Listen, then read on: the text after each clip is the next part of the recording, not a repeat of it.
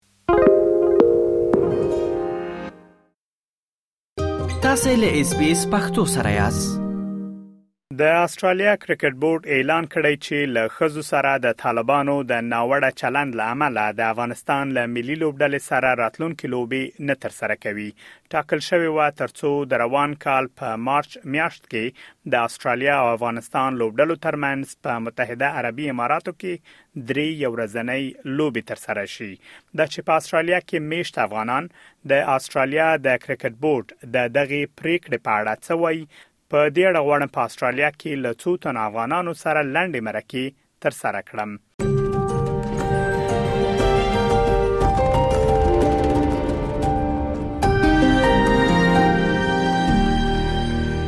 ښاغلی عزت الله علم د استرالیا په ملبون ښار کې ژوند کوي هغه د ټولنیزو فعالیتونو ترڅنګ د افغانستان د کرکټ ملي لوبډلې له مینوالو څخه دی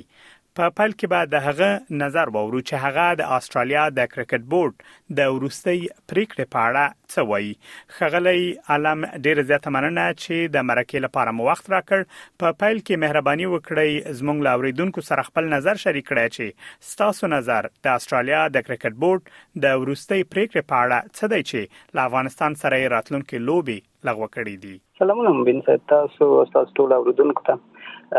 خدای دې وکړي چې روغ وایاست دا پریکړه خو ډیره خوشنونکې ده ټول افغانان ته نه یوازې دا چې په داخل د افغانستان کې بار میشت څومره افغانان چې د کرکټ مینوال دي دا غوي د پاره ډیره د خپګان خبره ده چې په افغانستان زموږ د افغانانو د پاره هم دا یو د خوشحالي لوبه ده او د اتفاق چې ټول افغانان پر راټولېږي نو ټول ډیر خپایو ډیر زیات خپایو په دې پریکړه باندې خغل علم آیا فکر کوي چې پر طالبانو د فشار راوړلو دغه لاره صحیح ده چې د استرالیا کرکټ بورډ انتخاب کړي او که نورې لارې هم شته مونږ تاسو ټول خبرې وینو چې د پردې تر شا د استرالیا حکومت یا نور د غربي نړۍ هیوادونه کاغه امریکا ده یا انګلند دی ټول طالبان سره خبرې کوي په دوحه کې یا په یو ای کې اماراتو کې په دې هیوادونو کې نو مونږ چې خفه یو په دې خفه یو چې مثلا نور لارې چارې شته که تاسو رښتیا غواړئ چې طالبان چې کوم ظلم زیاتی کوي بشري حقوق تر پښو لاندې کوي د نجونې درسونو یا کار ته نه پرېږدي نور لارې شته د مثال په توګه مثلا که دوی غواړي چې فشار پرې راوړي په طالبانو مشرانو باندې پر دې تګ راتګ نړیوال سفرونو بندیز ولګوي یا مثلا د پخوا په شان په تورلیس کې واچوي یا مثلا هغه په میلیونونو ډالر چې لا اوس هم طالبان ته ورځي چې هغه 15% هم عام افغانان ته نه رسیدي پیسې په بندې کوي یعنی ډېر لارې چارې دي خو دې په ځای چې دوی مثلا هغه لارې چارې ورکړي وي د سیغلار غوره کړل چې د دې توان یا خپګان هغه عام ولس ته رسیږي نه طالبانو ته. ډېره زیاته مننه ښاغلی علم. مننه منی صاحب.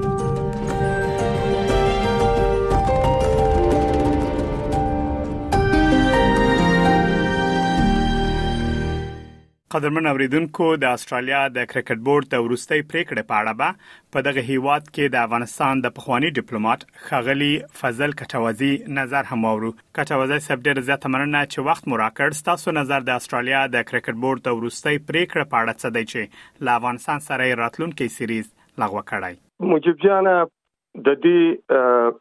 پریکړې تمه مونږ نه درلوده ما مونږ په دې فکر وو چې سیاست او لوبي باید سپورتس باید سره جدا وي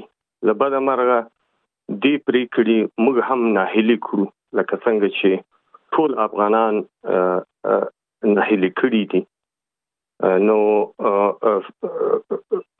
فکر کوم کدا لوبي چیرې مخته تللی وای هم د افغانستان لپاره هم د نړۍ لپاره هم د د بیوزلو افغانانو لپاره خېوي په افغانستان کې یوازنۍ امید چې له خلکو سره وو له ځوانانو سره وو هم دغه کرکټ دی چې نه یوازې الکانې ګوري بلکې جنکې ډیر په شوق او په علاقه ګوري زما اولادونه ګوري زما لورانې ګوري نو لدی کرکټ سره زموږ د ټولو هغه ارمانونه تړلې دي نو استرالیا کرکټ بورډ ته دا په کار نه وو چې دا سې یو داسې یو پریکړه وکړي چې هغه کې هغه سیاسي په همغه کی سیاست دخیل وی. کټوزی صاحب تاسو په اسټرالیا کې د افغانستان پخوانی ډیپلوماټ هم پاتې شوی یاست ایا فکر کوئ چې دا په طالبانو د فشار راوړلو صحیح لاره ده؟ مجیب جانه فکر نه کوم چې دغه دی روغه لاره وي ډیر ډیر څه نور وو چې چې د اسټرالیا دولت په د طالبانو په حکومت یا رژیم باندې هغه د فشار په توګه کارولې وای چې یو لوی یو لوی فشار همغه ملکونه یا هغه ګروپونه چې چې چې له طالبانو سره همکاري کوي اخو مونږ دا شل کال ولیدل چې اس... چې استرالیانو او نړیوالو چې کله به هم له دوی نه پښتنه وسوه چې له دوی سره خو هغه پټن ځایونه د طالبانو په پلاني ځای کې دي له هغه ځای نه ورسره مرستې کیږي دوی به ویل چې موږ ور باندې ډیپلوماټیک فشار اچو دا ډیپلوماټیک فشار یو شل کال تیر سو خو د دوی د دې کوم اغیز موږ ونه لید په ځای د دې چې هغه زمونږ کوم چې د دوی په مرستو را سره جوړ شوی کوم جمهوریت و دولت و هغه لمنځه ولاړ نو زما په نظر دغه هم هیڅ ځای نه نیسی په ځای د دې چې طالبان خاصم له نړۍ نه جلا دي هغوی د نړیوال کلی هغه ځان برخم حتی نه بولی هغه په خپل عقاید او په خپل هغه فکر او په خپل تګلار باندې هغه ټینګ ولاړ دي نو فکر نه کوم چې دا د کوم ځای ونیسي په ځای یوازې دومره بسی چې هغه ځوانان هغه هغه هغه یوازنۍ خوشحالي چې افغانانو درلوده او زموږ دغه ملي بیرغ به د د استرالیا یا په نورو هغه میدانونو کې رپیدو همغه همغه ورنه واخیست ډیره مننه کټاوزی صاحب هله کوم تاسو ښه وخت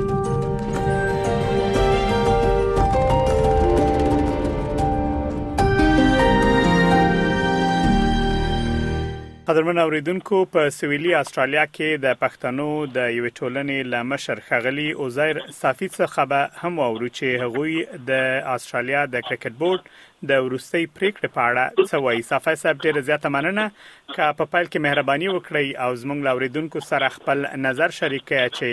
تاسو چې په اډلیټ ښار کې میشت یاستئ او د پښتنو د یوې ټولنې مشري پر غاړه لرئ ستاسو نظر د استرالیا د کرکټ بورډ د وروستۍ پریکړې په اړه څه دی مننه سلامونه ټول اوریدونکو ته او ټولو افغانانو ته خدای دې وکړي چې روغ او جوړ اوسي زمونږ نظر مونږ بالکل د ښځو د تعلیم په برخه کې کوم قیدات او هغه هغوی چې منع شوي دي د دې کلک مخالف یو سبا ته هم یوه مظاهره دلته ترتیب کړې ده د همدغې په ارتباط مانې خو کرکټ چې کوم هغه یوازینۍ خوشحالي افغانانو ته پاتې ده او دا چې د استرالیا حکومت موږ د دې فیصلې سره موافق نه یي ډیری افغانان یې خفه کړي دي تاسو لیدلی شئ په سوشل میډیا باندې نو ځکه چې طالبان چې دی یو ګروپ دی چې هغه په افغانانو باندې مسلط شوی دی نو د دې په ځای چې په هغه ګروپ باندې په مشخص ډول پریشر وارد کړي نو دوی د ټولو څلويخ میلیونو افغانانو د هلو او ارزوګانو سره لوبي کوي او په هغه معنی دغه دغه زور یې هغوی ته رسیږي نه دا چې دا زور یې طالبانو ته ورسیږي په دې خو طالبان خوشحالیږي چې دغه سي بنسټونه د منځه ولاړ شي کوم چې افغانان یو بل سره نږدې کوي او افغانانو ته خوشحالي وربخي نو په دې صورت کې موږ افغانان د دې هغه سره موافق نه یو موږ اوس په دې هم ویریږو چې موږ نور پرشر د استرالیا په دولت باندې وارد کړو نو دوی به دغه سي د کرکټ یې ښه مثال دی دغه سينور ریستریکشن او قیدات به په افغانانو وارد کی کوم چې زور به افغانانو نه وځي نه د طالبانو څخه نو موږ د استرالیا د دولت نه په ډیر هغه سره خواهش کوو چې دا سلارو او هغه معنی فکر وکړي چې هغه مستقیما د طالبانو په ګروپ معنی هغه هغه وارد کی پرېشر وارد کړي او هغوی دوی ته مایل کړي چې د ښځو حقوق ومني او هغوی ته خپل حقوق ورکړي نه تنها د ښځو حقوق دي ټول افغانانو حقوق په هغه په ټولنیز او هغه په هر برخه کې وي هغه تلف شوي دي نو مونږ د دې فیصلې هغه کلک مخالف وي په دې اساس چې د دې په ځای چې ګټه وکړي زمونږ مثلا دغه طالبان که یي که پنځوس زره که شپېته زره یو که لس زره یو که دغه لس تنه چې په دوه کې دغه نور پاتې دغه میلیونونه افغانان هیڅ کله د د افغان د طالبانو د دغه شان د فیصلو سره مخالف نه دي دوی ټول خلاف دي نو په ځای د دې چې دوی په دغه مشخص خلکو او مشخص ګروپ باندې پریشر وارد کړي نو دوی ټول افغانان د دې فیصلې باندې متاثر کړه صافی صاحب لکه څنګه چې تاسو اشاره وکړه چې د دې پر ځای چې داسې پرېکړه ونیول شي مهمه ده تر څو پر طالبانو باندې مستقیم فشار راوستل شي نو زما پوښتنه دا ده چې آیا ستاسو په آن د دې ترڅنګ چې فشارونه راوستل شي دا خبرې هم مهمه دي تر څو په استرالیا کې د بشر دوستانه ویزو په شمیر کې زیاتوالی راوستل شي همدارس افغان جنو ته د تعلیم زمينه له افغانستان څخه بهر برابر شي یا دا چې یو شمېر نجونې دلته راشي او دلته په استرالیا کې لوړ زده کړې ترلاسه کړي بالکل دا دغه د دغه کارونو د فاره مونږ شپه او ورځ هلې ځلې کوو چې د استرالیا حکومت نه وغواړو ځکه چې زمونږ افغانان دوی سره تیر شل کاله اوګه په اوګه پاتې شوي د دوی ته هغه هغه دیو سره په اوګه په اوګه د د د ترنوریزم خلاف جنگیدلې دي اوس ټول دغه څه بیشتر نوښت پاتې دي دوی ویني د دې په ځای چې د خپل ملګرو سره او د خپل د ناتو ملګرو سره په یو داسې طرح په یو داسې مرسته او کومکونه باندې کار وکړي چې هغه ته فائدہ ورسیږي نه دا چې هغه ته نور متضرر شي مثلا د دوی د طالبانو د مشرانو لورګانې په قطر په ترکیه په پاکستان کې دوی درسونه وایي په آزادانه ډول ولی په مظلوم افغانانو باندې په افغانستان کې د تعلیم حق بند کړی دی ولی ناتو او د استرالیا او د استرالیا نور ملګری هوادونه په هغوی باندې مستقیما د دغه نورو ملکونو سره خبري ولې نه کوي چې هغوی ته قناعت ورکړي چې د طالبانو چې هغه نږدې ملګری وي او د دغه ګروپ څه خلک وي د هغوی باندې هغه ریستریکشن او قیدات وځکي تر څو هغه دوی تمایل کوي چې د خځو حقوق ومني او دغه مرستې دغه د بشري ویزو مرستو ته عاجلا